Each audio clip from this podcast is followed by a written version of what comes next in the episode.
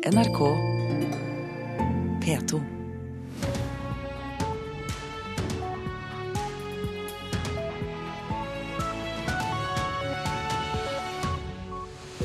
Her i Nyhetsmorgen gir vi deg utfyllende informasjon av de siste oppdateringene fra Berlin, der en lastebil ble kjørt inn i et julemarked i går. Tolv mennesker ble drept, som vi har hørt. Tyrkia-kjenner Morten Myksvold skal analysere virkningene av drapet på Russlands ambassadør i Ankara i går. Vi har flere gjester. Ola Ulmo fra Røde Kors har vært med oss på telefon fra Syria flere ganger. I dag kommer han hit til studio for å fortelle om det krevende hjelpearbeidet i borgerkrigen. Som hørte i Dagsnytt, tolv personer ble drept og 48 såret etter at et vogntog kjørte inn i en folkemengde på et julemarked i Berlin i går kveld. Politiet sier angrepet trolig var et terroranslag. En person er pågrepet og en annen er funnet død inne i vogntoget. Ifølge selskapet som eier det, var det kapret. Norske Charlotte Tuengen var på julemarkedet som ble evakuert, og fortalte dette til NRK i går kveld. Vi overhørte to som sa at eh, noen hadde kjørt inn i julemarkedet. Og så fortsatte vi å gå, og da kommer det to store politibiler. Og så begynner de å sperre området med bånd og evakuere alle menneskene som var der. Folk begynte å forlate området, så da gjorde vi det også. Alle bodene hadde allerede stengt, og det pleier de ikke å gjøre så tidlig om kvelden. Så det var klart at de hadde begynt å evakuere de allerede. Hva skjer i området nå, eller hva, hvor må dere oppholde dere nå? Akkurat nå så er vi inne på hotellrommet, men vi bor ikke så veldig langt fra der det skjedde. Omtrent halv, et halvt kvartal ned. Og eh, i lang tid etterpå så har det vært eh, politibiler og ambulanser som har kommet eh, både vår vei og andre veier. Og som det ser ut akkurat nå, så har de evakuert veiene som er i nærheten av der det skjedde. For det går ikke noen biler der nå. Det står politibil med blålys. Ordføreren i byen sa i går at situasjonen var under kontroll, men politiet ba likevel folk om å holde seg hjemme. Julie Østengen var like i nærheten av julemarkedet da hun skjønte at noe var galt. Jeg var på vei til en restaurant like i nærheten av julemarkedet, sånn helt tilfeldig. Og så idet jeg begynner å nærme meg lokalet, så bare, kommer folk løpende mot meg. Og de sier masse ting på tysk og, som jeg ikke forstår. Eh, og så får jeg etter, meg, eh, etter hvert med meg at de, på, de sier til meg på engelsk at det er en bil som har kjørt inn i julemarkedet, og at jeg ikke må gå den retningen. Da. Men det var klart, det var jo, kom jo veldig bardust på. Mm. Men jeg er glad for at jeg ikke var noe nærmere enn det jeg var. Jeg hadde jo tenkt meg på det julemarkedet senere på kvelden, men det ble jo ikke noe av. Hvor befinner du deg nå? Jeg er på vei til hotellet mitt. Sånn jeg har forstått det, så skal ha politiet bedt folk om å holde seg innendørs. Så det blir jo ikke noe særlig mer eh, menneskegjøre i kveld, i hvert fall. Gå inn på hotellrommet og holde seg trygg. Merka du, er det noe spesiell stemning? Det er lite folk utendørs. Nå virker det som en rolig kveld. Noen reaksjoner fra Berlin i går til reportere Kristin Næss Larsen, Nina Oving og Tanita Vassås Kveino. Og reporter Hans Kosson Eide, du har fulgt med på nyhetene fra Tyskland gjennom natten. Eh, hvilke nye informasjoner er kommet? Nei, tyske myndigheter som først var tilbakeholdne med, eh, med opplysninger, kaller dette nå for et eh, antatt terrorangrep. Eh, de sier at de legger til grunn at vedkommende som styrte bilen, styrte den inn i, i folkemengden med vilje. I tillegg så er jo da, som vi hørte, dødstallet oppjustert til 12, og det er 48 som ligger på sykehus, flere av de med alvorlige skader. Mm. Vet vi noe mer om gjerningsmannen, eventuelt gjerningsmennene? Det er en mann som er pågrepet. Han ble pågrepet ca. to km fra åstedet. Eh, dette er en pakistansk statsborger som kom til Tyskland eh, som flyktning i februar. Eh, politiet mistenker at det var han som, som styrte bilen. I tillegg så er en polsk mann funnet død i passasjersetet av lastebilen. Politiet sier nå at han ikke styrte bilen. Det som er usikkert, er om dette er han som jobba for eh, transportselskapet, altså han som var på jobb med lastebilen som kjørte stål fra Italia til eh, Berlin på vei hjem til Polen. Han ringte til selskapet i går kveld, sa at han kom for seint til Berlin og måtte overnatte. Siden har ingen hørt fra han, og fire timer seinere så skjedde jo da dette angrepet. Mm. Hvordan håndterer tyske myndigheter sikkerheten i Berlin og ellers i landet nå? De sier de har kontroll på situasjonen. Først fikk jo folk beskjed om å holde seg hjemme. Den, eh, den eh, beskjeden har de gått tilbake fra. Så det, det, virker som om de ser på dette som et enkeltangrep. Men det er klart at det vil jo være store politistyrker både ved åstedet og ellers i Berlin i dag. Takk for den oppdateringen, Hans Kossan Eide. Det skjedde flere ting i går, eh, og det var jo selvfølgelig dette drapet på Russlands ambassadør til Tyrkia, Andrej Karlov, vi tenker på. Skutt og drept på en kunstutstilling i Ankara. Gjerningsmannen var en politimann og ble selv skutt av politiet like etterpå. Tyrkia-kjenner Morten Myksvold, eh, som driver nettstedet tyrkiskpolitikk.no. Du er med oss fra studio på Minde i Bergen. Eh, god morgen til deg. God morgen. Gjerningsmannen var en politimann. Vet du noe mer om ham? Det var en 22 år gammel politimann som var ferdig utdannet i 2014. Han skal ifølge regjeringslojale aviser da, ha, tjenestegjort som vakt for presidenten sjøl ved, flere anledninger. Ellers verserer det veldig mange rykter om eh, tilkoblinga hans til ulike grupper, men det er, det er veldig vanskelig å si noe om rent spesifikt. Ja, så Det er eh, ennå ikke noe som står fram som uh, klart om uh, hvilke andre, hvilke grupperinger som eventuelt kan uh, stå bak?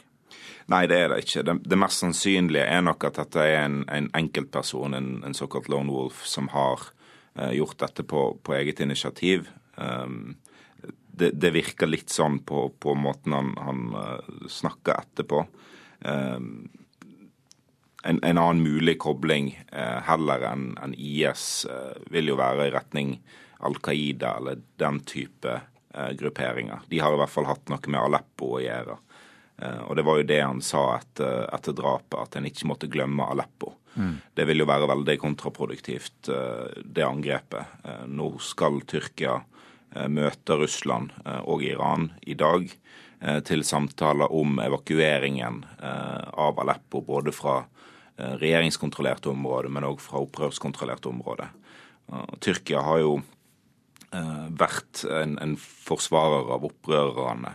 Eh, men, men, det kan jo hende at de blir mer underdanig Russland, som, som støtter regimet i denne situasjonen. Så det, det kan jo ødelegge litt for, for, evakueringen av Aleppo.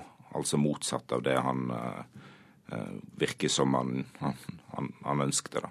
Ja, eh, og så er det jo slik at For ett år siden så skjøt Tyrkia ned et russisk fly på grensen til Syria. Forholdet mellom landene ble jo iskaldt, og så er det blitt vesentlig bedre nå. Tror du det drapet på ambassadøren, den russiske, vil virke inn på forholdet mellom landene? Nei, Det kan nok kanskje påvirke Tyrkia sin, sin måte å agere på, at den kanskje blir litt mer underdanig. Men eh, basert på de umiddelbare reaksjonene, så ser jo både Tyrkia og Russland på dette som et et terrorangrep og som et angrep på både Russland og Tyrkia. Eh, så, så, rent umiddelbart så ser det ikke ut som det vil skade forholdet på samme måte som, som det jagerflyet eh, gjorde. Men du bruker begrepet underdanig. Mener du at det er et ubalansert forhold mellom Russland og Tyrkia? Ja, Tyrkia har nok hatt mest å tjene på å normalisere forholdet til, til Russland igjen. Eh, det, det, har vi jo sett denne høsten med at de har de har brukt mye mindre tid og krefter på situasjonen i Aleppo eh, enn det de gjorde tidligere i år. Eh, så de har jo fokusert på, på, andre områder i Syria etter normaliseringen med Russland eh, eh skjedde. Takk skal du ha i denne omgang for at du var med oss, Morten Myksvold, som driver nettstedet tyrkiskpolitikk.no og er en kjenner av tyrkiske forhold. Og vi skal ha med oss avisene pløyde inn i populært julemarked, skrekkangrep og juleterror i Berlin. Det er tre stikkord fra tre aviser, Aftenposten, VG og Dagbladet. Lover ikke å plage Kina, er overskriften på Klassekampens forside. Til avisa sier Kina-ekspert Harald Bøckmann at regjeringen har vist seg føyelig, og har lovet ikke å provosere Kina for å få i land et normalisert forhold. Forhandlingene med Kina har pågått i tre år, kan vi lese i Dagens Næringsliv. Mot slutten av forhandlingene tok kinesere initiativ til en ny handelsavtale, noe som var eh, til utenriksminister Børge Brendes overraskelse, ifølge avisa.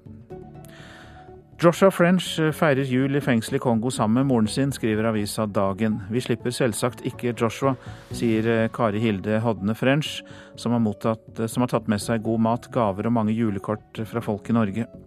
Mer enn sju og et halvt år i fengsel i Kongo tar på, sier hun, men helsa til Joshua er mye bedre enn den var tidligere i år. Bergens Tidende bringer historier fra fengselet der i byen. Avisa har invitert til skrivekonkurranse for tidligere og nåværende innsatte, samt pårørende og ansatte. Avisa offentliggjør i dag de tre vinnertekstene. En av dem er fra en mor som kuttet kontakten med sin overgrepsdømte sønn.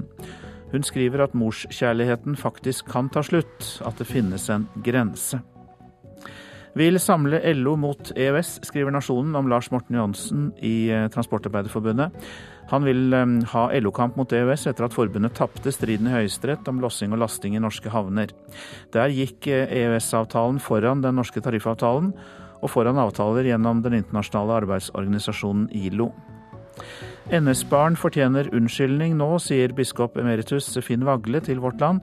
Regjeringen vurderer å si unnskyld for storsamfunnets behandling av NS-barn etter krigen, men først må Justisdepartementet få inn en utredning. Men Vagle vil ha en offisiell unnskyldning nå. Brage rømte fra Oslo-lufta. Dagsavisa forteller om eh, elleveåringen Brage Skauen Kvien, som eh, lå så ofte syk pga. den dårlige lufta i bydelen Torshov at familien måtte flytte til eh, Tonsenhagen, og der bor de med skogen som nærmeste nabo. For første gang på snart 20 år har Ole Einar Bjørndalen valgt bort sitt vante høydeopphold før jul. Men så har det gått kraftig utover langrennsformen. Nå satser skiskytteren på et eh, kort høydeopphold før eh, VM, eh, og skal med det redde gullformen, håper han. Ikke i toppform, men det er mulighet til å gjøre bra renn for det. Slik oppsummerer Ole Einar Bjørndalen før julesesongen. Samme sesong som 42-åringen ble far, har han valgt å droppe sitt faste høydeopphold før jul. Men det har han fått svi kraftig for, mener NRKs skiskytterekspert Ola Lunde. Ja, Ole har alltid respondert veldig godt på høydetrening. og Det gjør at han kanskje har gått en, eh, kanskje 20 sekunder raskere på en, på en, sprint enn han gjør nå. Og Hadde han gjort det, så hadde han vært oppe og tett på pallen. Det er også landslagstrener Egil Kristiansen enig i. Da han har en helt annen inngang til sesongen enn han har hatt eh, tidligere. Der han har vært veldig godt preparert med høydeopphold og sånne ting før han eh, starter konkurransesesongen. Nå må han kanskje konkurrere seg mer i form. Til tross tross for en tung sesongstart har Bjørndalen fremdeles tro på den sesongplanen han har lagt. Jeg tror bare å være tålmodig nå og trent bra fram mot uh, i januar, så tror jeg det skal bli ganske bra. Uh, men topp blir det ikke før uh, jeg får spise med høyde. Han har lagt inn et kort høydeopphold før VM i Hockfilsen i februar, og det skal redde gullformen. Ja, det er bare for å få trent bra i, og ikke få flytta seg så mye i forhold til reising og sånt. og så kan du kanskje få fram noen par prosent til med form fram mot VM. Og reporter her var Marte Nyløkken Helseth. Dette er hovedsaker nå når klokka er 6.46. En mann er død etter å ha falt fra et hotellrom i Larvik. Politiet har pågrepet en mann i 30-årene og en kvinne i 20-årene etter hendelsen. Tolv mennesker er altså bekreftet døde etter at en lastebil kjørte inn i en folkemengde på et julemarked i Berlin i går kveld. 48 personer er skadd, opplyser tysk politi. Nav frykter at menn i den kriserammede oljenæringen fusker til seg sykemelding i frykt for å bli arbeidsledige. Mer om det snart. Vi har jo hørt at evakueringen av Øst-Aleppo de siste dagene flere ganger har blitt avbrutt og startet på igjen. Og nå har vi fått besøk av Ola Ulmo, som jobber i Damaskus med nødhjelpsinnsatsen til Røde Kors. Du har jo vært med oss på telefon flere ganger tidligere, nå er du kommet hjem med oss i studio. Velkommen. Takk for det. Hvordan opplever du situasjonen i Syria? Ja, de, de kollegene Tommy, som er i Aleppo, som jeg, som jeg har pratet med de siste dagene, det de beskriver mer enn noe annet, det er frykt.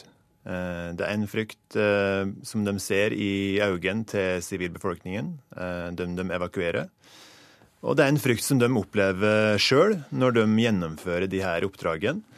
Og så har jeg jo sett de siste, altså gjennom hele, gjennom hele, hele den tida som vi nå har evakuert, så er det jo vært flere hendelser.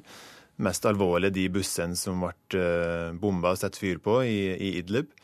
Men òg flere, flere, ganger der de bussene og de ambulansene som har evakuert, de har blitt stoppa uh, av væpna grupper, de har blitt, uh, de har blitt inspisert.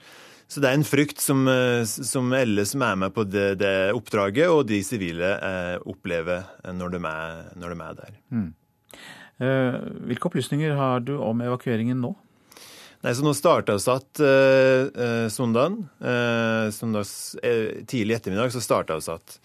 Siden altså i går og søndag da, så har vi evakuert 7000 fra Aleppo by. Det vil si at nå så har vi evakuert 17 000 totalt siden vi starta. I tillegg så har vi jo òg nå begynt å evakuere fra de byen, landsbyen i Idlib, Foa og Kofreya. Der har vi evakuert i hvert fall 500.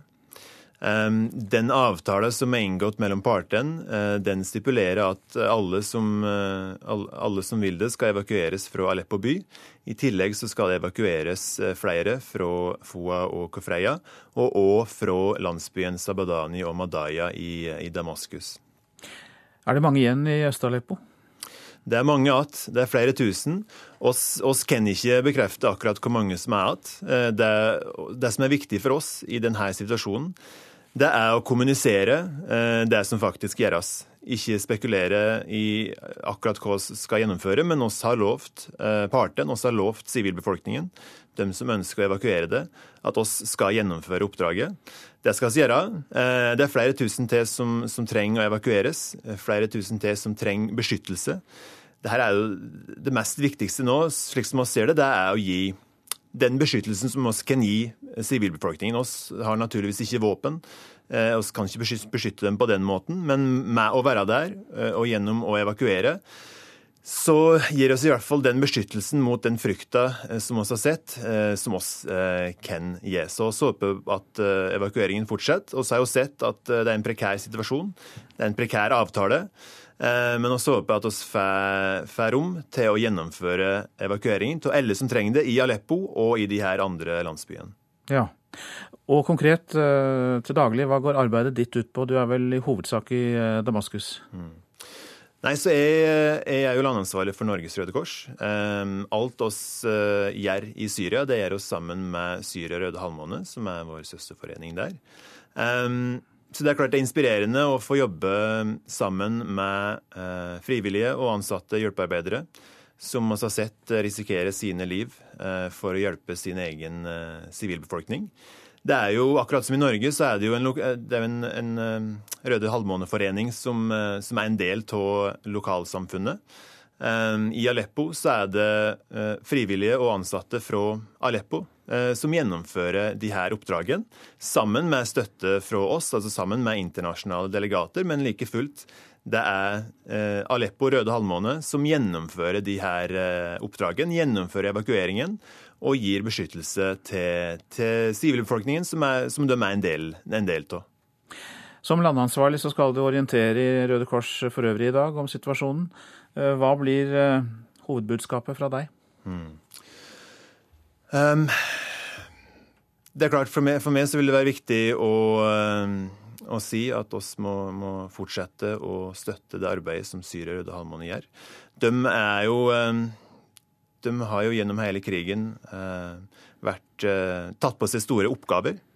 Det her er jo Det her er jo et oppdrag som som gir oss flere dilemmaer som humanitær organisasjon. Det er sikkerheten til de, til de frivillige. Det er et dilemma som vi står overfor når vi evakuerer eh, syke, væpna personer. Det er vanskelige oppdrag. Så det er klart de trenger vår støtte for å, eh, for å fortsatt opprettholde sin uavhengighet og sin nøytralitet eh, for å gjennomføre sine oppdrag. Takk for at du kom, Ola Ulmo, som er landansvarlig for Syria for eh, Røde Kors. Nå hjem igjen og til noe Nav frykter, nemlig at eh, menn fusker til seg sykemelding i frykt for å bli arbeidsledige. Det er gunstigere med sykemelding enn eh, dagpenger som arbeidsledig. I løpet av oljekrisen har eh, antallet menn på Sør- og Vestlandet som har sykemeldt seg, økt med 21% hvis kompisen, kollegaen her, han gjør det samme Hvis jeg kommer i samme situasjon, ja, jeg hadde gjort akkurat det samme. Du hadde? Ja. Jon Frode Rønnovde er på jobb på en byggeplass på Mindemyren i Bergen. Tavlemontøren innrømmer at han ville vurdert å ta ut sykemelding hvis han visste at han kunne miste jobben i morgen. Selv om han mener det moralsk sett er feil. Det har eh, veldig negativ innflytelse på arbeidsmiljøet. Nye tall fra Nav viser at langt flere på Sør- og Vestlandet mottar sykepenger i hele den lovlige tolvmånedersperioden. Det har skjedd i takt med nedgangen i oljebransjen. Og det er menn som står for nesten hele økningen. Eksperter NRK har snakket med, mener det er åpenbart at enkelte utnytter systemet. Fordi det er langt gunstigere økonomisk å være sykemeldt enn å være arbeidsledig. Også fylkesdirektøren i Nav i Hordaland, Anne Kverneland Bogsnes, tror enkelte spekulerer i å bli sykemeldt. Vi kan jo aldri se bort ifra at det er noen som utnytter det, når du tjener mye mye bedre på å gå sykemeldt enn å gå på dagpenger. Bogsnes mener utbetalingene ved sykemelding og arbeidsledighet bør bli likere. Å gå sykemeldt i et år gir deg nemlig opptil 200 000 kroner mer enn å være arbeidsledig. Tradisjonelt er det kvinner som i størst grad har tatt ut sykepenger i et helt år. Men i løpet av oljekrisen har antallet menn som har gjort dette, økt med 21% Det er klart, jeg har jo mistanke om det, i og med at systemet er så forskjellig som det er. Vi så den samme tendensen under finanskrisen, at sykefraværet økte. Og så gikk det ned igjen når eh, situasjonen eh, bedret seg. Det sier arbeidsminister Anniken Hauglie fra Høyre. Hun mener det er svært uheldig om sykelønnsordningen blir utnyttet. Jeg må forutsette at legene tar sitt ansvar og sørger for at ikke ordningen eh, uthules. Men klart er, i den situasjonen som man er nå, så kan det være mange som også opplever stor usikkerhet, som er engstelige for å miste jobben. At det også går utover eh, helsa. Vi har sett noen tilsvarende tendenser til dette før. Eh, og at statistikken har bedret seg når situasjonen har bedret seg. Men sykelønnsordningen er til for de som er reelt syke, og ingen andre. Selv om Nav ennå ikke har gitt noe formelt råd til regjeringen, mener kunnskapsdirektøren i Nav, Yngvar Aasholt, at det er på høy tid å diskutere sykelønnsordningen. Og Derfor er det fint om man kan komme i gang med den type debatter eh, så raskt som mulig. Aasholt sier det hevet over enhver faglig tvil at lavere utbetalinger vil redusere sykefraværet. Ut fra et kunnskapsmessig ståsted, eh, ut fra den forskningen vi har, så vet vi at det å redusere satsene på sykepenger, eh, kompensasjonen, eh, og det å gi arbeidsgivere noe større ansvar for å finansiere sykepengene, er ting som virker.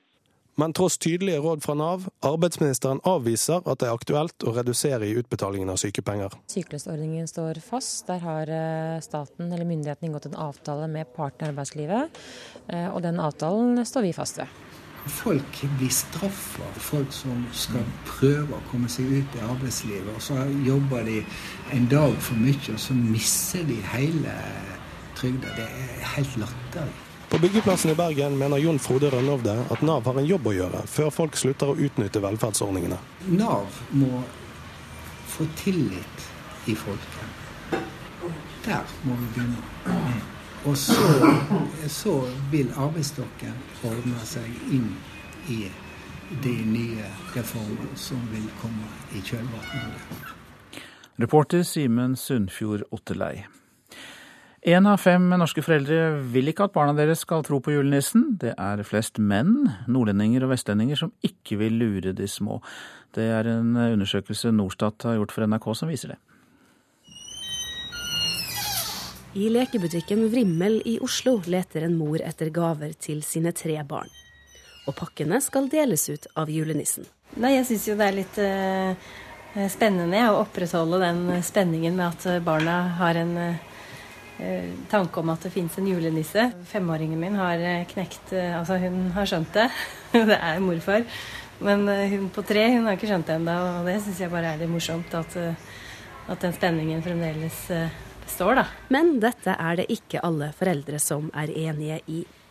Nesten 20% av norske foreldre vil ikke at barna deres skal tro på julenissen. Det viser en undersøkelse utført av Norstat på vegne av NRK. Det er flest menn, 22% som ikke vil lure barna sine, men 16% av mødrene mener det samme. Det er de som har over fem års universitetsutdanning som er mest skeptiske til å la barna tro på nissen. Jeg hadde kanskje ventet at tallet, at prosenten skulle være større. For når 20% eller 19 vil at de ikke skal tro på julenissen, så er jo det en litt sånn aktiv handling. Det betyr at resterende, de 80% de syns det må være Det tilhører en del av barndommens rike. og kunne tro litt på tusser og troll, og også julenisser. Det sier Knut Aukrust ved Institutt for kulturstudier og orientalske studier ved Universitetet i Oslo. Det er jo en, en parallell, en tankevekker ville jo vært kanskje at hvis man spurte foreldrene om de ville at barna ikke skulle tro på Gud, eh, hva ville da prosenten blitt? Foreldre over 50 år er mer skeptiske til at barna deres tror på julenissen enn de yngre foreldrene. Og 10 vil gjerne at barna deres aldri skal slutte å tro på julenissen. Trebarnsmoren i lekebutikken Vrimmel i Oslo vil videreføre troen på julenissen hun hadde da hun selv var barn. Jeg syns det var veldig spennende tanken på at kanskje julenissen fins. Jeg syns jo det var veldig spennende i de årene jeg hadde den tanken. Reporter Eirin Venås Sivertsen, ikke nok med det, det blir debatt om julenissen i Kulturnytt etter klokka åtte. Så var det værvarselet. Østafjells skyet stort sett opphold, stedvis tåke først på dagen. I fjellet stiv kuling til kvelden, liten storm vest i Jotunheimen, spredt sludd eller snø i vestlige fjellstrøk og for øvrig delvis skyet oppholdsvær i fjellet. Vestlandet i ettermiddag sørlig liten storm på kysten og i fjellet i Hordaland, Sogn og Fjordane og Søre Sunnmøre. Ved Stad ventes det sterk storm. Lokalt kraftige vindkast på 25-30 meter per sekund kan det bli. For øvrig på Vestlandet sørlig og sørvestlig sterk kuling på kysten. Det ventes perioder med litt regn sør for Stad, eh, stort sett oppholdsvær i Møre og Romsdal. Så går vi til Trøndelag. Sørvestlig sterk kuling på kysten og stort sett opphold. Nord-Norge er det litt mer å si om. Sørvestlig sterk kuling utsatte steder på kysten. Vinden minker litt midt på dagen, før det igjen øker til sørlig sørvestlig stiv kuling utsatte steder. Og så blir det sørlig liten storm ytterst på kysten av Nordland. I Nordland blir det regn, men fra i ettermiddag stort sett oppholdsvær. I Troms og Finnmark regnbyger og snøbyger i fjellet der. Til kvelden stort sett opphold. Spitsbergen. Vestlig og sørvestlig sterk kuling. I sør minkende til bris om kvelden og snøbyger på Spitsbergen. Så går vi til temperaturene målt klokka fire. Svalbard lufthavn null, Kirkenes to, Vardø fem. Alta og Tromsø-Langnes begge fire. Bodø, Brønnøysund og Trondheim-Værnes alle med fem grader. Molde og Bergen-Flesland sju grader. Stavanger åtte. Kristiansand-Kjevik seks. Gardermoen én grad. Lillehammer minus to. Røros minus tre. Og så er det en enslig plussgrad på Oslo-Blindern. I hvert fall var det det klokka fire.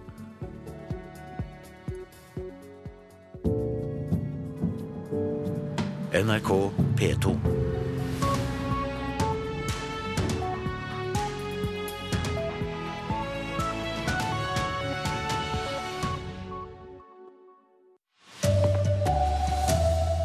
Lastebilangrep i Tyskland var etter alt å dømme terror, sier tysk politi i dag. Og Vladimir Putin varsler opptrapping av krigen mot terror etter drapet på den russiske ambassadøren i Tyrkia. Her er NRK Dagsnytt klokka sju. Politiet i Berlin er nå sikre på at føreren av lastebilen som kjørte inn i ei folkemengd, gjorde det med vilje. Tolv mennesker mista livet og 48 er såra etter at lastebilen braste inn på en julemarknad i den tyske hovedstaden. En person er pågrepet, en annen er funnet død inne i vogntoget. Ifølge selskapet som eier bilen, var den blitt kapra. Julie Østengen var like ved julemarknaden i går kveld, da hun skjønte at noe var gale. Jeg var på vei til en restaurant like i nærheten av julemarkedet, sånn helt tilfeldig. Og så idet jeg begynner å nærme meg lokalet, så bare, kommer folk løpende mot meg. Og de sier masse ting på tysk og, som jeg ikke forstår. Og så får jeg etter, meg, etter hvert med meg at de, på, de sier til meg på engelsk at det er en bil som har kjørt inn i julemarkedet, og at jeg ikke må gå den retningen. Og Utenriksdepartementet jobber nå sammen med ambassaden i Berlin for å undersøke om det var nordmenn på staden i går. Mannen som skjøt og drap Russlands ambassadør i Tyrkia i går, var politimann. Han ble sjøl skutt og drept av politiet like etter åtaket. Det hele skjedde på ei kunstutstilling i hovedstaden Ankara. Tyrkia-kjenner Morten Myksvold tror ikke gjerningsmannen var knytta til ei gruppe. Det var en 22 år gammel politimann som uh, var ferdig utdannet i 2014. Han skal ifølge regjeringslojale aviser da, ha, tjenestegjort som vakt for uh, presidenten sjøl ved, flere anledninger. Um, ellers verserer det veldig mange rykter om tilkoblinga hans til ulike grupper, men det er, det er veldig vanskelig å si noe om. Det mest sannsynlige er nok at dette er en, en enkeltperson, en, en såkalt lone wolf, som har gjort dette på, på eget initiativ. Og Den russiske presidenten Vladimir Putin varsler nå en opptrapping av krigen mot terror etter drapet på ambassadøren. Putin mener drapet var en provokasjon med mål om å skade tilhøvet mellom Russland og Tyrkia. Her hjemme vurderer regjeringa å si unnskyld til NS-barna for hvordan de ble handsama, men eh, de vil først utgreie saka, det skriver Vårt Land. Tidligere Nidarosbiskop Finn Vagle sier tida er knapp, og peker på at ei utgreiing kommer til å ta tid. Han sier til avisa at det vi vet i dag om hvordan NS-barna ble handsama er tilstrekkelig til at en kan gi ei offisiell årsaking, slik tyskerbarna har fått. NRK Dagsnytt, Silje Sande. Nyhetsmorgen gir deg utfyllende informasjon og de siste oppdateringene fra Berlin. Norsk reiseliv håper på store muligheter i det kinesiske markedet. Og utskiftninger i regjeringen kommer i dag. Vi analyserer endringene. Politiet i Berlin sier de er sikre på at føreren av lastebilen kjørte inn i et julemarked med vilje i går kveld, som vi hørte i Dagsnytt, og det var altså tolv som mistet livet. 48 ble såret. En gruppe ungdommer står sammen rett ved julemarkedet som ble angrepet. En av dem viser fram en videosnutt på mobiltelefonen. Han var vitne til dramaet som utspant seg. Ja, da er en LKW-autos reingefahren. Da hat Leute einfach gefahren. Dann er. En lastebil kjørte rett og slett over folk. Jeg sto der borte da det skjedde, sier ungdommen og peker. Han så at sjåføren løp fra stedet. Den er Schüsse gehört, dann bin ich wieder zurück. Ich bin zurückgegangen und dann. Etter at sjåføren løp, hørte jeg skudd. To minutter etterpå var politiet der og tok kontroll over lastebilen, sier øyenvitnet til Associated Press. Politiet var lenge forsiktig med å slå fast om det var en ulykke eller et terrorangrep. Mannen som skal ha kjørt lastebilen, ble pågrepet av politiet en kilometer fra julemarkedet Breitscheidplatz i Berlin. Mannen er fra Pakistan eller Afghanistan og kom til Tyskland i februar i år. Inne i lastebilen som har polske registreringsnummer, fant politiet en polsk statsborger. Mye tyder på at mannen bak angrepet har stjålet lastebilen og tatt livet av den polske sjåføren i forkant av angrepet. Sa reporter Dag Bredvei. Ja, politiet var lenge forsiktig med å fastslå om det var en ulykke eller et angrep, hørte vi i dette innslaget. Tyskland-korrespondent Guri Nordstrøm, hva er de siste informasjonene du har fra politiet? Det aller siste fra politiet er at de nå for første gang snakker om at dette her eh, angivelig er et terrorangrep. Det var lenge uklart etter at dette hadde skjedd hvorvidt det var en ulykke eller om det var et angrep. Nå går de altså så langt at de eh, regner med at dette var et da, angivelig terrorangrep. I hvert fall at det var en villet handling at denne bilen kjørte inn i eh, julemarkedet i går kveld. Hva vet vi om personen politiet mener sto bak?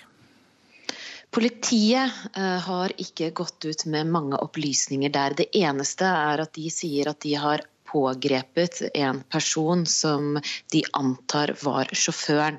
Men tyske medier melder at uh, denne personen som er pågrepet, og som skal da ha vært sjåføren, er en enten afghaner eller pakistaner som skal ha kommet som asylsøker til Tyskland i eh, februar. Eh, når de sier at det enten er en afghaner eller pakistaner, så er det fordi vedkommende da ifølge tyske medier skal ha operert med veldig mange ulike identiteter, og at det derfor er vanskelig å fastslå. Men politiet har som sagt ikke bekreftet eh, dette ennå. De skal ha en pressekonferanse senere i dag hvor vi da forhåpentligvis vil få flere bekreftelser rundt hva som har skjedd. Hva skriver avisen for øvrig om det som skjedde? Ja, her er det nå, utover at det er jo da veldig mye eh, Man prøver å rydde i fakta. Dette vet vi, dette vet vi ikke. Så er det jo også overskrifter om at dette var angrep på hjertet av Berlin. Eh, og det diskuteres også eh, hvordan sikkerheten rundt eh, steder som dette har, er. Så det er stort sett det som, som er i overskriftene akkurat nå. Både det, det faktabaserte og også da hvordan dette her var virkelig et, et, et angrep på, på hjertet av Berlin.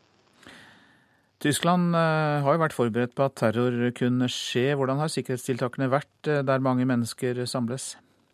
Det har vært eh, egentlig veldig varierende. F.eks.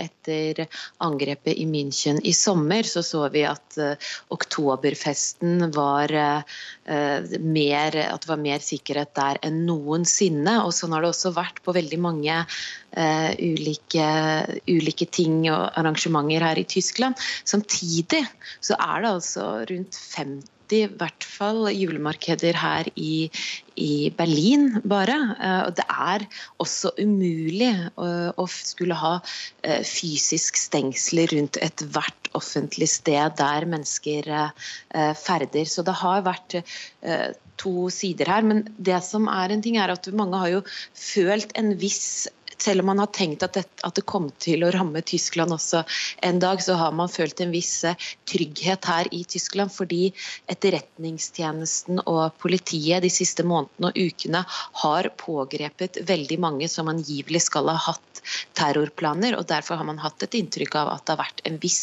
eh, kontroll eh, på dette. Men som sagt, det, det er umulig å skulle ha, å, å stenge av og, og sikre absolutt alle offentlige steder der mennesker ferdes. Takk skal du ha, korrespondent eh, Guri Nordstrøm. Og så kommer til deg, Anette Homlung Storeide. Du er førsteamanuensis ved Institutt for historie ved NTNU, har bodd i Berlin, kjenner Tyskland godt. Eh, hva kan du si om eh, dette som skulle ha vært et terroranslag? Ja, det er noe som Berlin-korrespondenten sa, ennå å avvente om det virkelig, virkelig, er det. Men eh, det er jo hvis det, så, hvis det, er det, så er det i så fall det som, som tyskerne har frykta kunne skje i, i, Tyskland, også i likhet med Frankrike og, og Belgia. Det siste året har Europa vært rammet av flere terrorangrep, bl.a. Eh, skytingen på et kjøpesenter i München i juni. Vi hørte jo korrespondenten si litt om dette, men hvor godt forberedt er Tyskland på slike hendelser? På den ene sida så har det vel kanskje vært forventa eller frykta at det også skulle skje på tysk jord. Men uh, samtidig så har man jo prøvd å, om ikke forebygge, men i hvert fall ha sikkerhetstiltak uh, og ta høyde for at uh, lignende hendelser som i Frankrike og Belgia kunne skje. Og det at det skulle ramme et julemarked, hvis det virkelig er terror, det er jo det noe som har vært eh, omsnakka, men som da, hvis det er tilfellet at det er terror, dessverre ikke har blitt forhindra. Tyske myndigheter holdt jo lenge igjen på informasjoner. Det er, de, eh, det er kanskje vanlig at de er forsiktige før de uttaler seg. Eh, hva er grunnen til eh, tilbakeholdenheten, som kanskje er typisk for tyskerne? Altså, jeg tror viktigste grunnen er at de ikke ønsker å skape unødig frykt eller uh, redsel i befolkninga, og særlig kanskje ikke når det gjelder julemarked, som er en veldig sterk tradisjon i, i Tyskland. Og så vil man, om det er typisk tysk, det vet jeg ikke, men man vil vel gjerne ha alle fakta på bordet før en uttaler seg. og det kan jo også ha med etterforskninga å gjøre at en ikke går ut med alle detaljer som en kanskje sitter inne med før en har klarlagt løpet videre. Ja. Vi har jo snakket uh, mye om det som skjedde i går, om ting som har skjedd tidligere i år og i nyere tid. Men det er jo ikke første gang tyskerne står overfor uh, terror. Hvilken terror har landet vært nødt til å håndtere tidligere? Altså, Bortsett fra naziregimet, som vi vel alle er klar over, så er det selvfølgelig Rota med-fraksjonen som hadde sitt høydepunkt tidlig på, på 70-tallet. Og da var det jo en innenriks eh, terror knytta til eh, politisk eh, ekstrem venstreside. Og det er nok spor som sitter sterkt i den tyske befolkninga. Det som en veldig redd for nå, er at det her er islamistisk terror, og at det dermed er en fiende som man, for de fleste i hvert fall, lokaliserer utenfor, som utenfor Tyskland. Eh, og som også kan ha politiske konsekvenser for, eh, for landet. Anette Hamlung Storeide, takk skal du ha. Du er altså da mm, førsteamanuensis ved NTNU.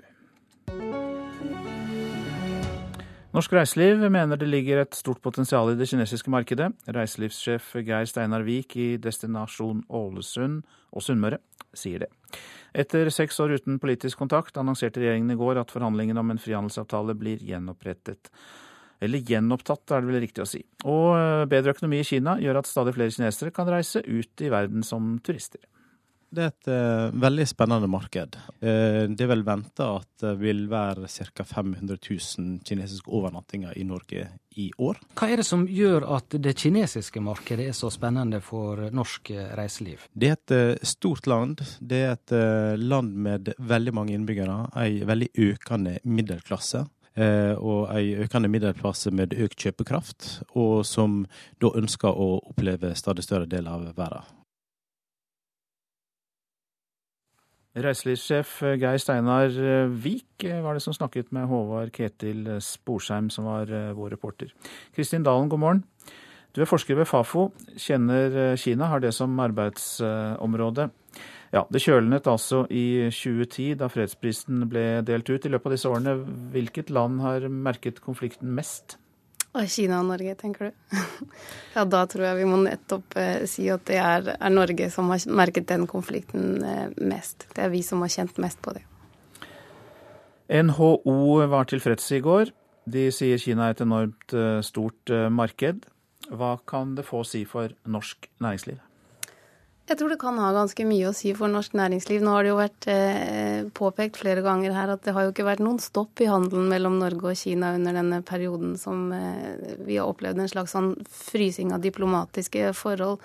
Men eh, som nevnt tidligere i innslaget her også, så er det kinesiske potensialet veldig stort. Så man kan nok tenke seg at dette fører til et oppsving for norsk næringsliv. Mye ble sagt om dette i går da det ble kjent. Men etter din oppfatning, hvorfor skjer denne normaliseringen eh, nå? Er det noen grunner som eh, kan ligge bak? Ja, Nå er det jo først og fremst eh, et resultat av, av dyktig diplomatisk håndverk. Og det har vært jobbet med dette fra mange sider i, i mange år. Men vi var vel flere som var litt overrasket i går over at det skjedde akkurat eh, nå. Så da kan man jo tenke seg at eh, internasjonale forhold har hatt noe å si. Eh, Donald Trump har jo i det siste utfordret denne såkalte ett-Kina-politikken ganske grundig. og Kina har nok et behov for å stabilisere sine relasjoner til resten av verden og vise seg som en både ansvarlig, rasjonell og pålitelig aktør. Så at dette kanskje passet fint inn i Kinas image, kan vi jo tenke på. Hvis vi spoler tilbake til 2010, eh, da, seks år eh, tilbake godt og vel. Eh, hvordan var forholdet mellom Kina og Norge da? Ja, Norge var jo et av de, de, landene i verden som var først til å anerkjenne Folkerepublikken Kina. Og det har ikke kineserne glemt. Så forholdet mellom Norge og Kina før 2010 tror jeg vi kan beskrive som et, et, godt forhold. Og de av oss som jobbet mye i Kina den gangen, fikk ofte høre det. Kineserne er jo veldig opptatt av Ibsen og norsk kultur og natur og sånne ting. Så jeg, jeg tror det var Man kan si det, at det var et ganske godt forhold. Går det an å peke på noen bransjer eh, som kan eh, vente seg mest endring?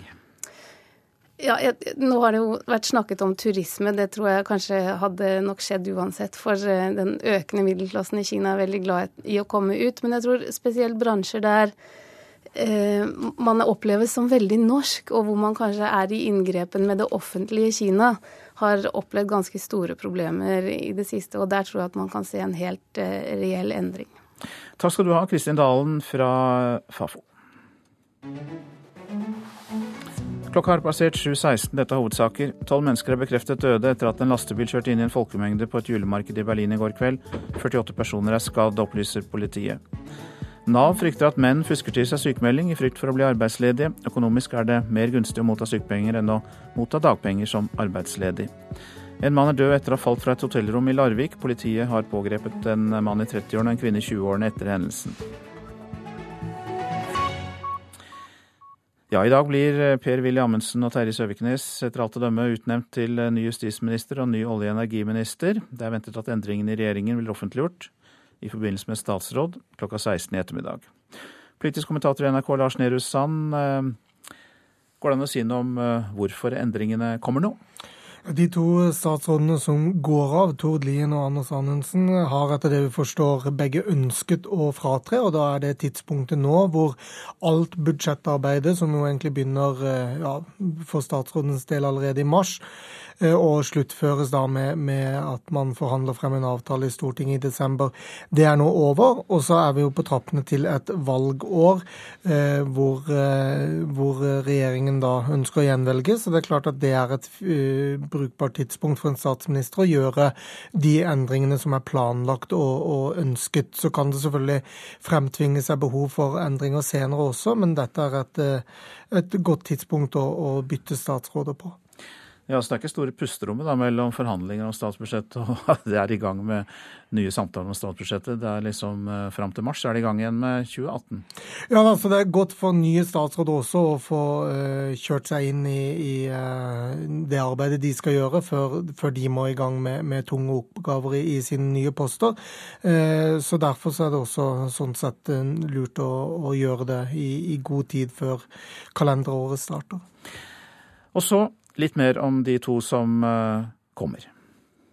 Nå har det kommet masse rapporter særlig de siste månedene, som tyder på at man kanskje har overdrevet. Laga litt for mye skrekkscenario. Særlig har jo SV bidratt til det, men nærmest å fremstille som vi står overfor dommedag. Den, det scenarioet er sannsynligvis ikke riktig. Og da kan vi gå inn på realitetene. Ja, vi tar dette på høyeste alvor, men la oss i hvert fall diskutere det ut ifra en rasjonell tilnærming. Er det menneske eller natur som bidrar til klodens oppvarming? Debatten gikk varm også for tre år siden. Og den da 42 år gamle siviløkonomen Per-Willy Amundsen fra Fremskrittspartiet var allerede kjent for angrep på dem han kalte klimafundamentalister. Omtrent på samme tid ble han nevnt som ny nestleder i Fremskrittspartiet, også pga. den restriktive holdningen til innvandring. Eh, det vi har eh, uttrykt eh, problemer med, det er islamisering. Altså det at samfunnet tilpasser seg krav fra deler av innvandrermiljøet. Eh, personer med muslimsk bakgrunn, gjerne eh, ganske konservativ muslimsk bakgrunn, mm. som, som ønsker at det norske samfunnet skal endres i retning av islam. Fra Politisk kvarter for seks år siden.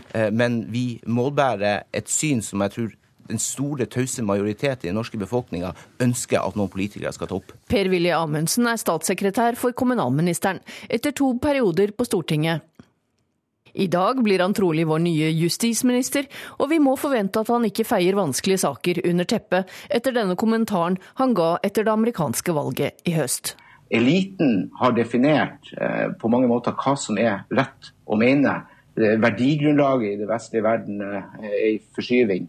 Og jeg tror mange opplever at de ikke kjenner seg igjen i det som er politisk korrekt, moraliserende medier, som feier mange av de problemene som folk flest opplever under teppet.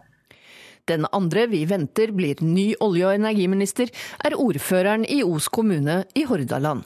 En stilling han har hatt siden forrige årtusen. Men det var ikke det Terje Søviknes ville. Han ville til topps i partiet, men snublet og falt for en 16-åring. Jeg vil bare da eh, få lov å redegjøre eh, til eh, pressekorpset at jeg på bakgrunn av den situasjonen som har oppstått I 2001 var han nestleder i Fremskrittspartiet, men måtte trekke seg fra alle politiske verv etter seksuell omgang med den unge jenta under et landsmøte for Fremskrittspartiets ungdom. Siden har han bl.a. jobbet for den fremste av alle vestlandssaker, Bedre veier. Yes, nå er vi der, og jeg kjente faktisk at klumpen kom i halsen i stad, fordi det er så stort for Os, og det er så stort for regionen vår, Bergensregionen, og framtidig eh, fergefri E39 på Vestlandet. Og for tre år siden kom Fremskrittspartiet i posisjon for første gang.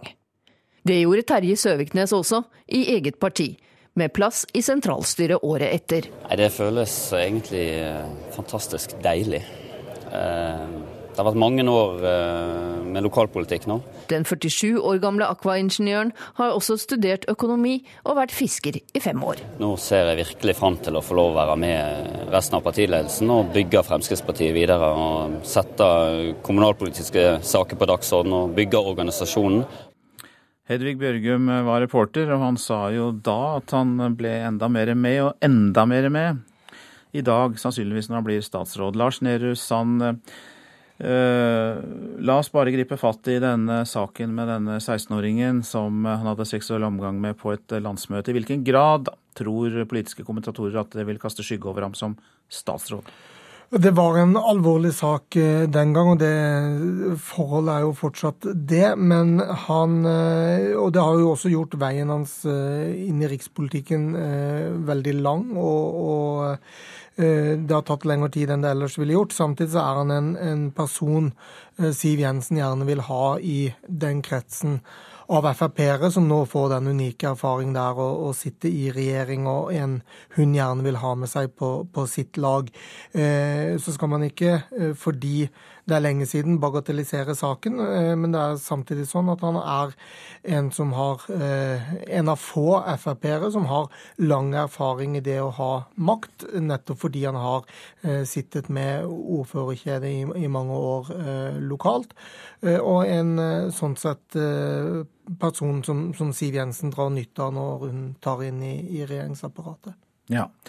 Så til Amundsen, som etter alt å dømme blir justisminister. Eh, mange har lagt vekt på hans innvandringsmotstand, ikke minst de som er sterkt uenige med han, selvfølgelig. Eh, det hørte vi da dette ble kjent i går. Hvilken betydning har det for ham? Du, eh, Per-Willy Amundsen har vært en kontroversiell Frp-politiker eh, både på innvandring og eh, klimapolitikk. De to områdene hvor avstanden mellom Frp og samarbeidspartiene Kristelig Folkeparti og Venstre fra før av er størst. To fagfelt hvor retorikk og eh, betyr kanskje vel så mye som, som praktisk politikk. Amundsen er en svært kontroversiell utnevnelse, eller utnevnelse av han i mange leire, samtidig som det innad i Frp eh, blir jo eh, Amundsen sett på som kanskje noe annet enn det Søviknes har blitt sett på som, en, en kompromissvillig eh, Frp. Og så For Siv Jensen så vil dette i egne rekker kunne slå ganske godt ut. For Erna Solberg, for Høyre, for, for samarbeidet mellom regjeringen og sentrumspartiene, så kan dette slå annerledes ut, avhengig av hvordan Amundsen selv eh, velger velger å, å, å, belyse eh, de sitatene som nå graves opp av ham. Eh, de ligger mange år tilbake i tid, da også Frp kanskje sto for mye annet enn, enn det som står i regjeringsplattformen nødvendigvis. Men det at sentrumspartilederne Hareide og, og, Grande i dag innkaller til en pressekonferanse felles for å kommentere statsrådsutnevnelsene, er i seg selv ytterst spesielt og uvanlig. Jeg vet ikke om det har skjedd før. At, at stort stortingspartier vil, vil, gjøre det på denne måten når de samarbeider med en regjering. Og Det viser også eh, at de har helt spesielle krav og forventninger eh, til både Amundsen og hvordan han trer inn i en ny rolle og bygger tillit på nytt, men også eh, hva de forventer må skje etter at Erna Solberg har tatt det valget å godkjenne Siv Jensens utnevnelse av ham og ta han inn i, i Solbergs regjering. Takk skal du ha, kommentator Lars eh, Nehru Sand. Det er altså debatt rundt to eh, nye Frp-statsråder, Lilla Sølesvik. Eh, det gjelder vel også da i Politisk kvarter. Ja da, både Kristelig Folkepartis Ungdom og Unge Venstre er svært skeptiske til å få en klimaskeptiker i regjering. Hvordan kan kunnskapspartiet Høyre forsvare dette, spør Ida Lindtveit, og KrFU-lederen kommer til oss. Hun skal få svar fra Unge Høyres leder. Og så er pelsdyrnæringen oppe til debatt igjen. Regjeringen ønsker at den skal få fortsette, bare med enda strengere krav til dyrevelferd. Og de kravene de er så strenge at resultatet kan bli nedleggelse uansett, mener bøndene sjøl. Og da kan det altså gå mot et flertall i Stortinget som lar det bli business mer eller mindre som usual likevel. Det liker jo miljøvernere og MDG veldig dårlig. 7.45 Politisk kvarter. Dialekter eh, preget eh, barne-TV helt fra starten av. Det sier språkforsker Agnete Nesse. Og noen stereotypier vokste fram. Sørlandskvinner de er omsorgsfulle, trønderne er tullete, og bergenserne de eh, er ofte skurker. Kvist, vi ble nettopp angrepet av en bergenser. En bergenser? Den tok alle sammen. Du gjør som julenissen bestemmer. Ellers kan du ha deg ut på vidda. Nei da! Skynd deg, Ludvigsen. Det har begynt. Hva sier du? Smaker det godt? Mm. Er deigen god, så blir bollene gode. Hvis det er slemme og ubehagelige personer, så bør de kanskje ikke ha en dialekt som veldig få folk snakker. Det sier Agnete Nesse, professor i språkvitenskap ved Høgskolen i Bergen. Hun er ikke ukjent med å høre sin egen dialekt på film og TV, og da ofte i skurkeform. Det kan jo ha noe med det å gjøre altså at bergensere da lett kan brukes, fordi at det er veldig mange bergensere.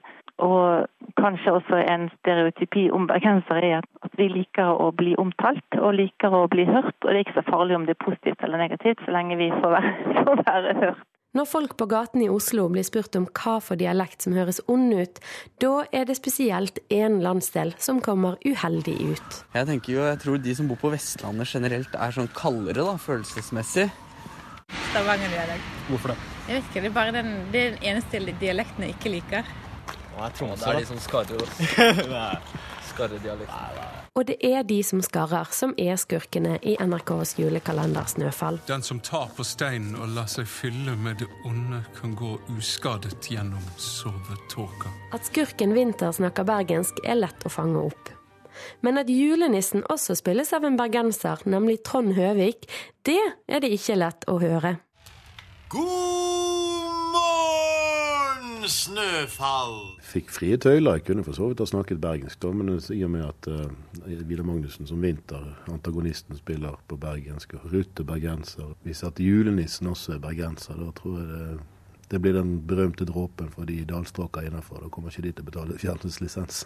Regissøren bak 'Snøfall', Synne Kjelstad Teksum, hun sier at det var tilfeldig hva for dialekt de ulike karakterene endte opp med. Eh, Og det vi har ønska oss, var egentlig bare at vi hadde et mangfold av dialekter. Så vi ba folk eh, beholde den de hadde. Eh, Bortsett fra Trond Høvik, som da selv snakka østlandsk. Han valgte selv å snakke østlandsk. Jeg har jo mine oppfatninger om ulike dialekter, jeg også. Fordommer, kan du kalle det det. Fordommer eller ikke, av og til er det helt andre ting som avgjør hva for dialekter vi ikke liker. Hva er den, hva er den ondeste dialekten? Ondeste? Ja. Ja, jeg vet ikke om jeg skal kalle de fra Vestlandet onde, men jeg, det er masse jeg ikke skjønner i hele tatt fra sånne vestlandsdialekter. Det, men vi kan kanskje ikke kalle dem onde. Nei. Nei. Reportere var Hanna Huglen Revheim og Oddvin Aune. Lytter til Nyhetsmorgen, produsent Ingvild Ryssdal, i studio Øystein Heggen.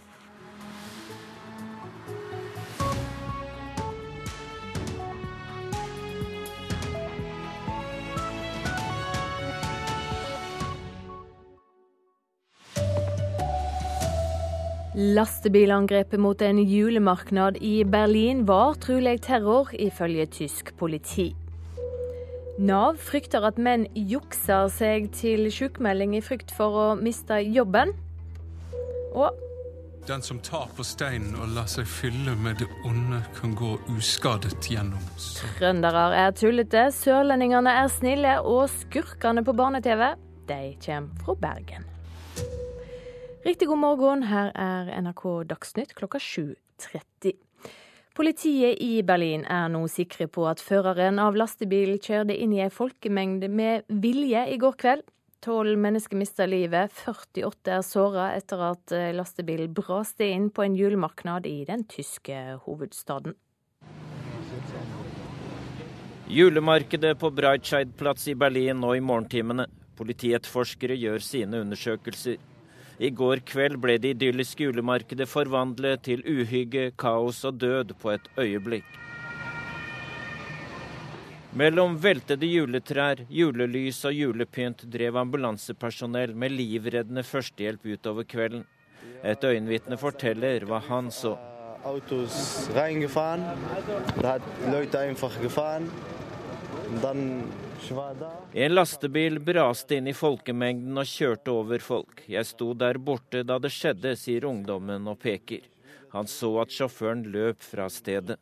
Den er Den zurück. Etter at sjåføren løp, hørte jeg skudd. To minutter etterpå var politiet der og tok kontroll over lastebilen, sier ungdommen til nyhetsbyrået Associated Press. Nå i morgentimene sier tysk politi at lastebilen ble kjørt i stor fart inn i folkemengden med forsett. Mannen som kjørte lastebilen er pågrepet. Han er fra Pakistan eller Afghanistan og kom til Tyskland i februar i år. Inne i lastebilen som har polske registreringsnummer, fant politiet en død polsk statsborger. Mye tyder på at mannen bak angrepet har stjålet lastebilen og tatt livet av den polske sjåføren i forkant av angrepet. Og UD jobber nå sammen med ambassaden i Berlin med å undersøke om nordmenn er råka. Reporter her, Dag Bredvei. Og Vi skal rett videre til deg, korrespondent Guri Nordstrøm. Hva mer vet vi om denne mannen som er pågrepet? Politiet har sagt veldig lite om han. Eh, det de sier er at de har pågrepet han som de mistenker for å ha vært sjåføren, men utover det så har ikke politiet sagt noe. Men det er altså da tyske medier som melder at uh, denne sjåføren skal ha vært uh, asylsøker fra enten Afghanistan eller Pakistan. At han skal ha søkt asyl her i Tyskland i februar. og Grunnen til at det da er usikkerhet hvorvidt han kommer fra Afghanistan eller Pakistan, er fordi han skal ha operert med ulike identiteter. Ja, Det er en litt dårlig linje til Tyskland. Vi prøver oss på ett spørsmål til Guri. Eh, tyske styresmakter har vært forberedt på terror. Hvordan er tryggingstiltakene på steder der mange er samla? Det er jo umulig å trygge alle mulige offentlige steder der det ferdes eh, mennesker. Men det man har satt sin lit til her i eh, Tyskland, er at etterretningstjenesten og politiet har hatt en god oversikt. Det har i forkant av dette de siste månedene og ukene vært veldig mange arrestasjoner og pågripelser av angivelige terrorister som altså skal ha planlagt angrep her i Tyskland. Derfor har man Eh, hatt inntrykk av at etterretningen eh, i hvert fall har vært god på dette området. Men å skulle sikre ethvert julemarked i hele Tyskland eller enhver offentlig eh, plass fysisk med politi, det er jo rett og slett umulig. Takk så langt, korrespondent Guri Nordstrøm.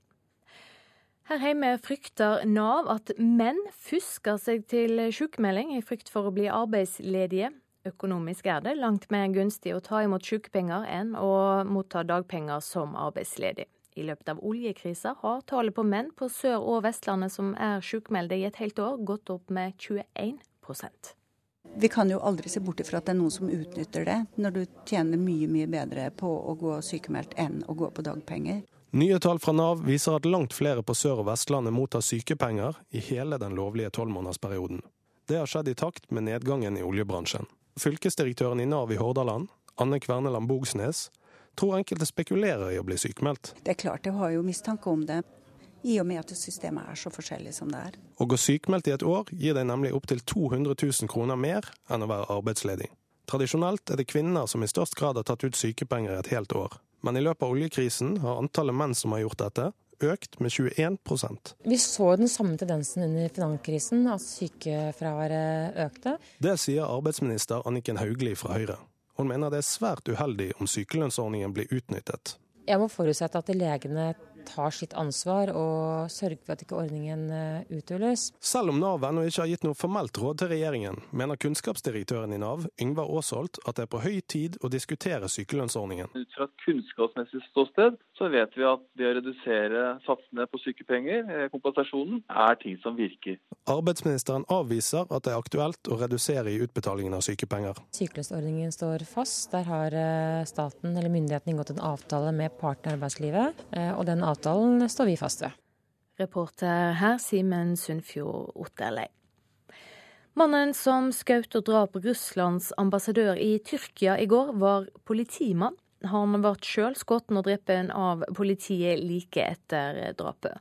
Og Tyrkia-kjenner Morten Myksvold tror ikke gjerningsmannen var knytta til ei gruppe.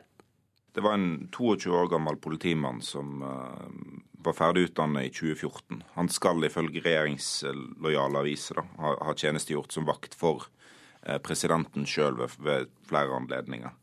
Eh, ellers verserer det veldig mange rykter om eh, tilkoblinger hans til ulike grupper, men det er, det er, veldig vanskelig å si noe om. Det mest sannsynlige er nok at dette er en, en enkeltperson, en, en såkalt lone wolf, som har eh, gjort dette på, på eget initiativ.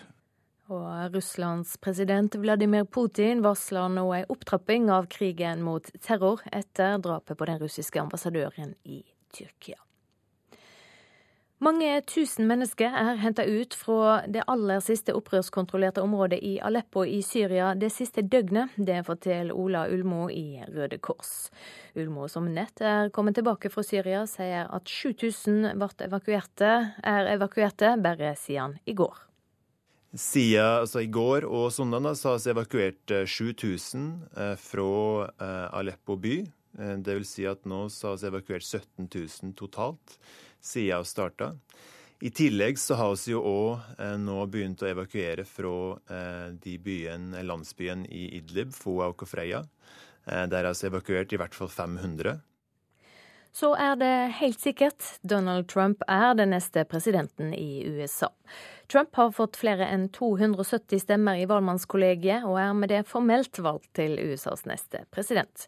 Ifølge nettstaden Politico var det seks valgmenn som gikk imot resultatet i sin delstat, og ikke røysta for noen av de to kandidatene. Så skal vi høre at stereotypiene i barne-TV lever i beste velgående. Det sier språkforsker Agnete Nesse. Hun har sett på dialektbruken og funnet ut at sørlandskvinner er omsorgsfulle, trøndere er tullete, og bergensere de får svært ofte skurkeroller. Hvis det er slemme og ubehagelige personer, så bør de kanskje ikke ha en dialekt som veldig få folk snakker. Det sier Agnete Nesse, professor i språkvitenskap ved Høgskolen i Bergen. Hun er ikke ukjent med å høre sin egen dialekt på film og TV, og da ofte i skurkeform. Det kan jo ha noe med det å gjøre altså at bergensere da lett kan brukes, fordi at det er veldig mange bergensere. Og kanskje også en stereotypi om bergensere er at vi liker å bli omtalt og liker å bli hørt. Og det er ikke så farlig om det er positivt eller negativt, så lenge vi får være, får være hørt. Og det er de som skarrer, som er skurkene i NRKs julekalender Snøfall. Den som tar på steinen og lar seg fylle med det onde, kan gå uskadet gjennom sovetåka. At skurken Vinter snakker bergensk, er lett å fange opp. Men at julenissen også spilles av en bergenser, nemlig Trond Høvik, det er det ikke lett å høre. God morgen, Snøfall! Fikk frie tøyler. Jeg kunne for så vidt ha snakket bergensk, da, men i og med at uh, Vidar Magnussen som Vinter, antagonisten, spiller på bergensk, og Rute bergenser Hvis at julenissen også er bergenser, da tror jeg det det blir den berømte dråpen for de dalstråka innafor. Da kommer ikke de til å betale fjernsynslisens. Reportere her Hanna Huglen Revheim og Oddvin Aune. Hovedsaken i denne sendinga har vært at eh, lastebilangrepet mot en julemarked i Berlin trolig var terror, ifølge tysk politi. Ansvarlig for NRK Dagsnytt denne morgenen, Arild Svalbjørg. I studio, Silje Sande.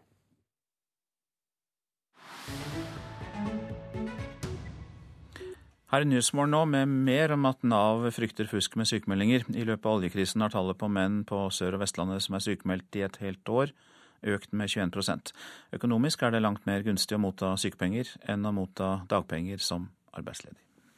Hvis kompisen, kollegaen her, han gjør det samme, hvis jeg kommer i samme situasjon, ja, jeg hadde gjort akkurat det samme. Du hadde? Ja. Jon Frode Rønnovde er på jobb på en byggeplass på Mindemyren i Bergen. Tavlemontøren innrømmer at han ville vurdert å ta ut sykemelding hvis han visste at han kunne miste jobben i morgen. Selv om han mener det moralsk sett er feil. Det har eh, veldig negativ innflytelse på arbeidsmiljøet. Nye tall fra Nav viser at langt flere på Sør- og Vestlandet mottar sykepenger i hele den lovlige tolvmånedersperioden. Det har skjedd i takt med nedgangen i oljebransjen.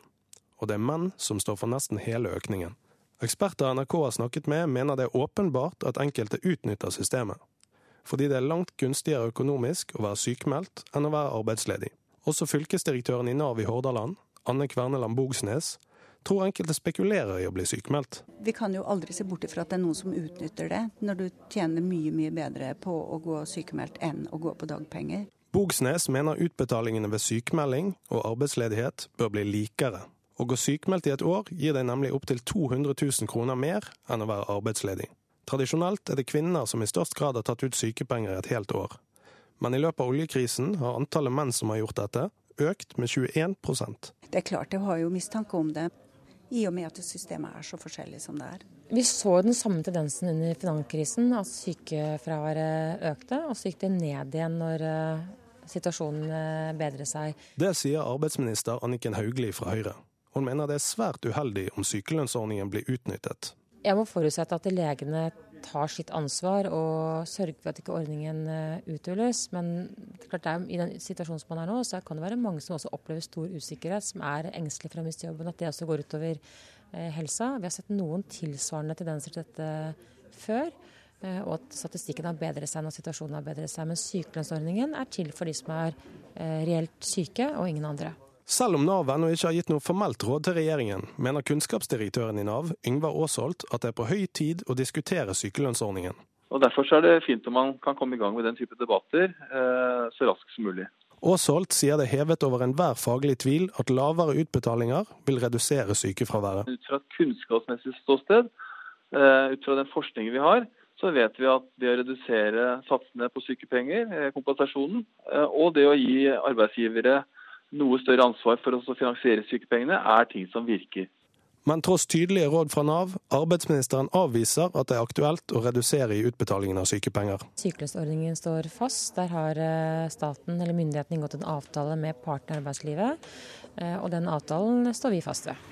Folk blir straffa, folk som skal prøve å komme seg ut i arbeidslivet. og Så jobber de en dag for mye, og så mister de hele trygda. Det er helt latterlig. På byggeplassen i Bergen mener Jon Frode Rønnovde at Nav har en jobb å gjøre før folk slutter å utnytte velferdsordningene.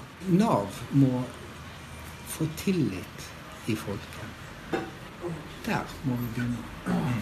Og så, så vil arbeidsstokken ordne seg inn i de nye reformene som vil komme i kjølvannet Reporter Simen Sundfjord Otterlei.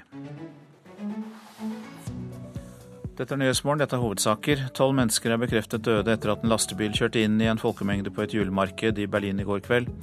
48 mennesker er skadd, opplyser tysk politi, som nå sier at det trolig var en terroraksjon. Mange tusen mennesker er hentet ut fra det aller siste opprørskontrollerte området i Aleppo i Syria det siste døgnet. Ifølge Røde Kors er 7000 evakuert bare siden i går. En mann er død etter å ha falt fra et hotellrom i Larvik. Politiet har pågrepet en mann i 30-årene og en kvinne i 20-årene etter hendelsen. Det går mot Politisk kvarter, der Lilla Sølesvik er programleder.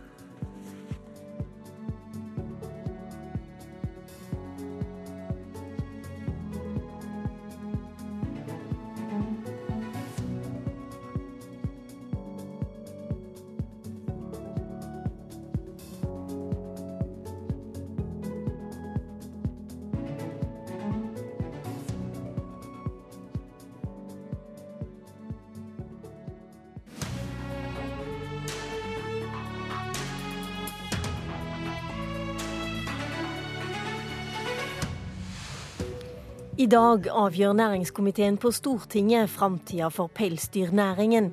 Blir det business as usual, eller kommer så strenge krav at næringen kveles? Og Unge Venstre og KrFU advarer Erna Solberg mot å ta inn en klimafornekter i regjeringen.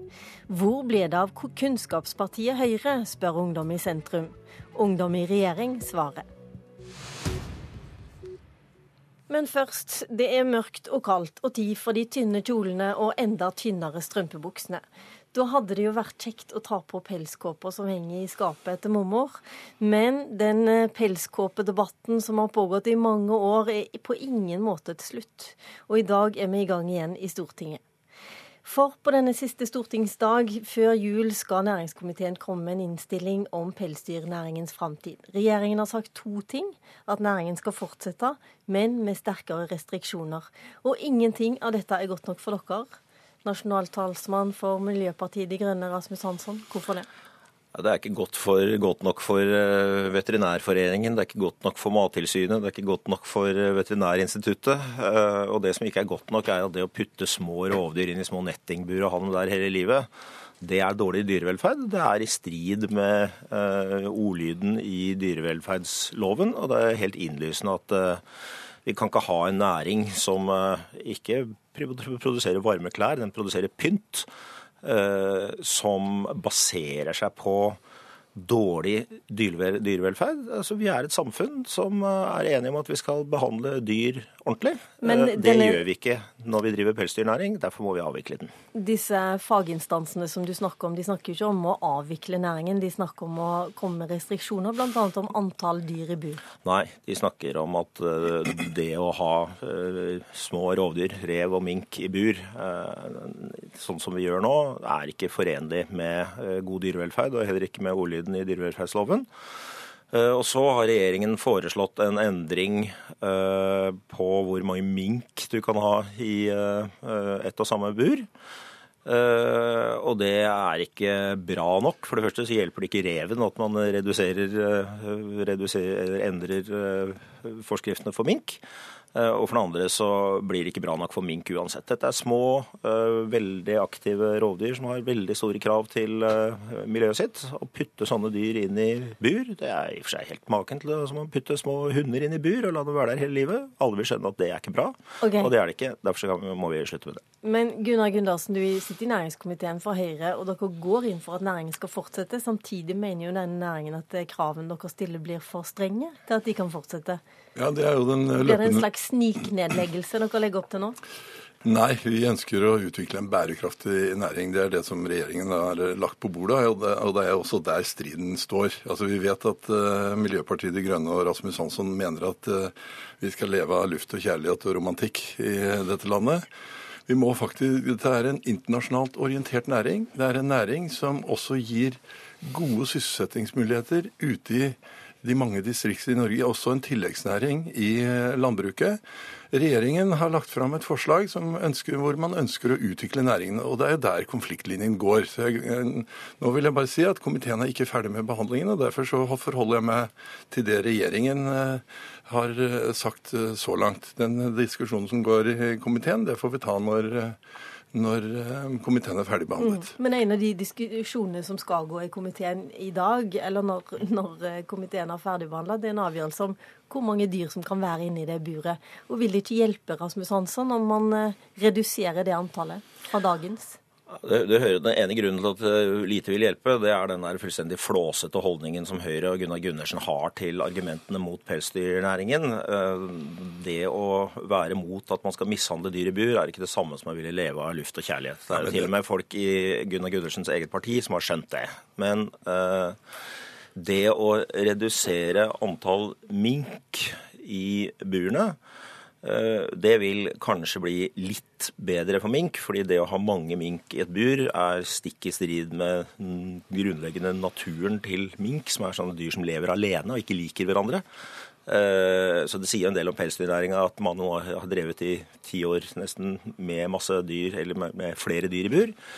Eh, men en mink har det fortsatt dårlig inni et nettingbur. Eh, så du, du kan bare stemme så, mot alt uansett? Det, det, kommer vi til å stemme mot. Eh, det vi er for, og det vi har en rapport fra Menon som sier klart og tydelig også, det er at en rolig avvikling av pelsdyrnæringa over en tidsperiode hvor man endrer eh, statsstøtten til å bli avviklingsstøtte, det vil være fornuftig og samfunnsøkonomisk lønnsomt. Det vil være bra for omdømmet til norsk landbruk. Eh, Gundersen, og det er en ansvarlig måte å avvikle dette på. Gundersen, jeg har lyst til å spørre, Det er jo svært omstridt i Høyre også, dette her. Eh, kommer dere til å stemme for alle sammen at næringa skal fortsette, eller blir det sånn at næring, altså grupper blir blir, eh, det blir opp til gruppa å bestemme sjøl? Nei, det, det, får vi jo se. Jeg håper jo at vi stemmer sammen og finner fram til en eh, omforent løsning.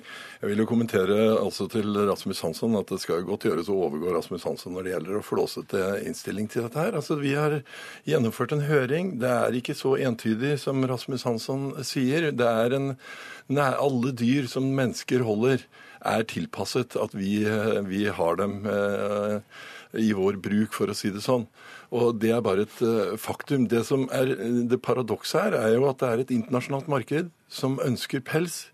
Og vi kan, gå, vi kan, skyve produksjonen ut av Norge og inn i land der dyrevelferden er atskillig dårligere, der kontrollen er atskillig dårligere. Vi har, vi har veldig gode pelsdyrdrivere i Norge, og vi har et godt kontrollsystem som følger opp ekstremt bra. Det er, det er, det er vel knapt nok noen annen dyreproduksjon som følges opp sånn som uh, pelsdyrnæringen uh, gjør. Men hva sier, du, hva sier, du, til bøndene da, som sier til deg at uh, hvis dere innfører en så sterk begrensning på antall dyr i bur, så må de investere kanskje 3-3,5 millioner kroner, og da er ikke næringen levedyktig? Mot det dere sjøl har sagt? Men sånn er det jo alltid. Samfunnet setter de krav som skal til for at en næring kan drives innenfor de rammene som, som uh, vårt samfunn tillater.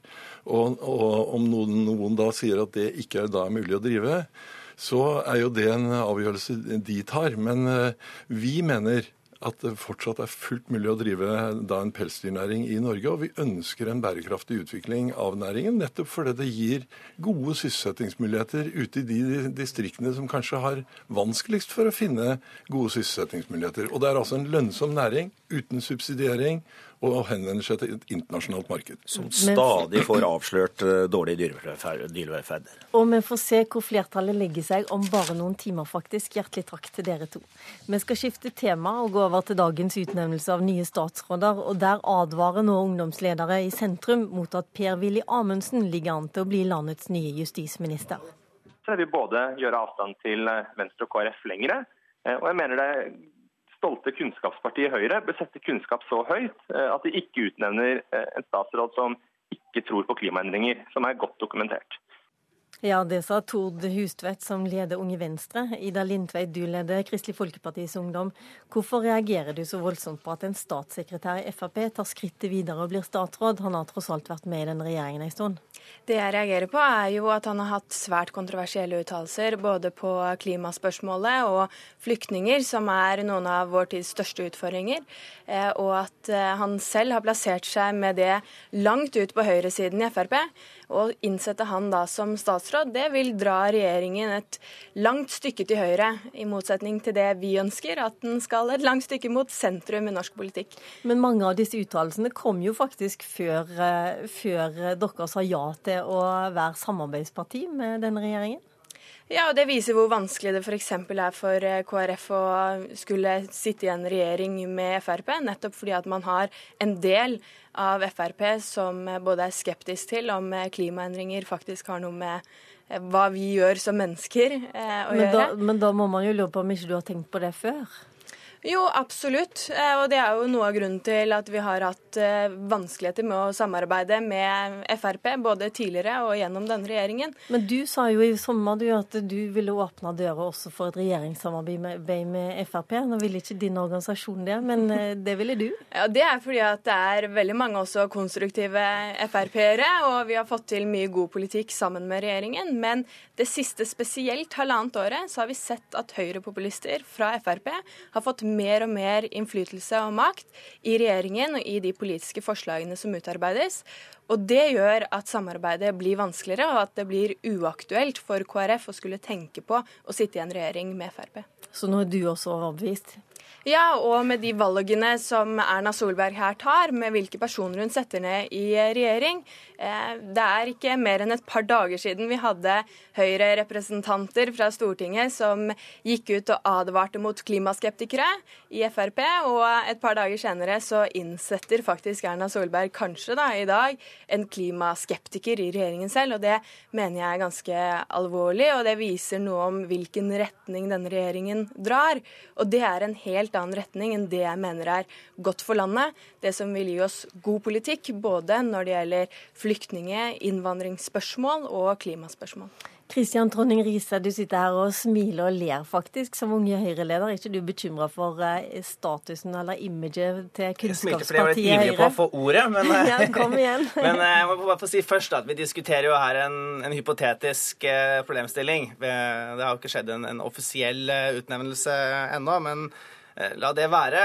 Poenget for, for meg her er jo at Eh, det fins ingen privatpraktiserende statsråder i eh, Erna Solbergs eh, regjering. Det er, det er Sundvolden-erklæringen og samarbeidsavtalen som styrer hva det, er, hva det er regjeringen gjør. Jeg er ikke her for å, for å forsvare Per-Willy Amundsens tidligere uttalelser om klima eller om, om andre ting.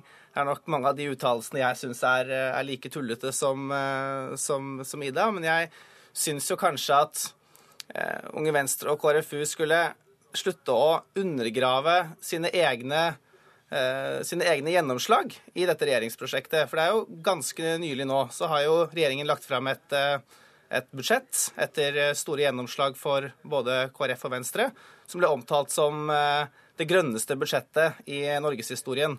Eh, og det er jo kjent at eh, det er i hvert fall en fløy i Frp som, som ikke er er spesielt opptatt av klimatiltak, da, for å si det sånn. Og Da burde jo kanskje heller KrF og Venstre nettopp slå seg på brystet med at de får gjennomslag, og på tross av det så klarer de å få til eh, god og offensiv, offensiv klimapolitikk. Og det er jo også det som er Eh, regjeringens utgangspunkt. Kanskje du tenker på det, Lindtvedt? Jo, jeg er veldig fornøyd med de gjennomslagene vi har hatt. Samtidig så viser både politiske forslag, sånn som eh, innstramningene til Listhaug, at en mindretallsregjering kom med et ultimatum som start på budsjettforhandlingene. At også en høyrepopulistisk eh, fløy i Frp har fått mer og mer innflytelse også nå inn i regjeringen. Og det bekymrer meg. Og det har noe med det aktive valget som Erna Solberg, som faktisk bestemmer hvem som skal sitte i den regjeringen, tar. På hvilken mye, retning hun ønsker at regjeringen skal dra i. Hvor mye mener du at dere taper på Sylvi Listhaugs uttalelser, eller eventuelt Per-Willy Amundsen i dag? Jeg er i hvert fall sterkt uenig. Ja, jeg er sterkt uenig i de uttalelsene som disse personene har kommet med. Og hvis disse ryktene er riktige, så vil de sitte i samme departement. Eh, og så er det alltid sånn at en regjering tar beslutninger sammen, eh, også på f.eks. klimaspørsmålet.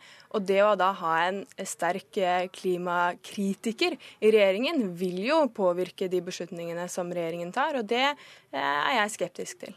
Hva tenker du Tonning Riise, er det sånn at når man først går inn i regjering, så så får man på en måte dempa de avvikende standpunktene i forhold til hva regjeringen står på? Altså, det er jo sånn at Alle statsråder som kommer inn i regjeringen, er jo pent nødt til å forholde seg til eh, regjeringserklæringen. Til det som er utgangspunktet for, eh, for regjeringens eh, politikk. Og der har jo klimaskeptikere lite å hente i det prosjektet som, som vi har sammen, for å si det sånn. Så ser jeg jo ikke den helt store begrunnelsen for den alarmismen som, som Ida viser her, når det gjelder en del av innstrammingene i i asylpolitikken, så er jo det noe som et bortimot, eh, eller ganske samlet storting i hvert fall, har, har vært med på. Eh, og vi har jo nettopp lagt fram det som både dere og Venstre selv har omtalt som det grønneste budsjettet i norgeshistorien. Så det kan jo umulig være et, eh, et tegn på at klimapolitikken går i, går i feil retning. Til tross for at det fins en mindretallsfløy i, i Frp som, som er mer tvilende til det utgangspunktet for klimapolitikken. Men alle politikere er jo i politikken for å forandre politikken. Og jeg tror på Amundsen når han sier at han ikke tror på klimaendringene. Og det er det som bekymrer meg sterkt. Og jeg tror også at han er i regjeringen for å få gjennomslag. Og vi må eh, nesten vente til klokken 16 med å få svar på det. Er jeg veldig som skal styre klimapolitikken fremover. Ansvarlig for Politisk kvarter var Lilla Sølhusvik. Vår tid er ute. Hør flere podkaster på nrk.no podkast.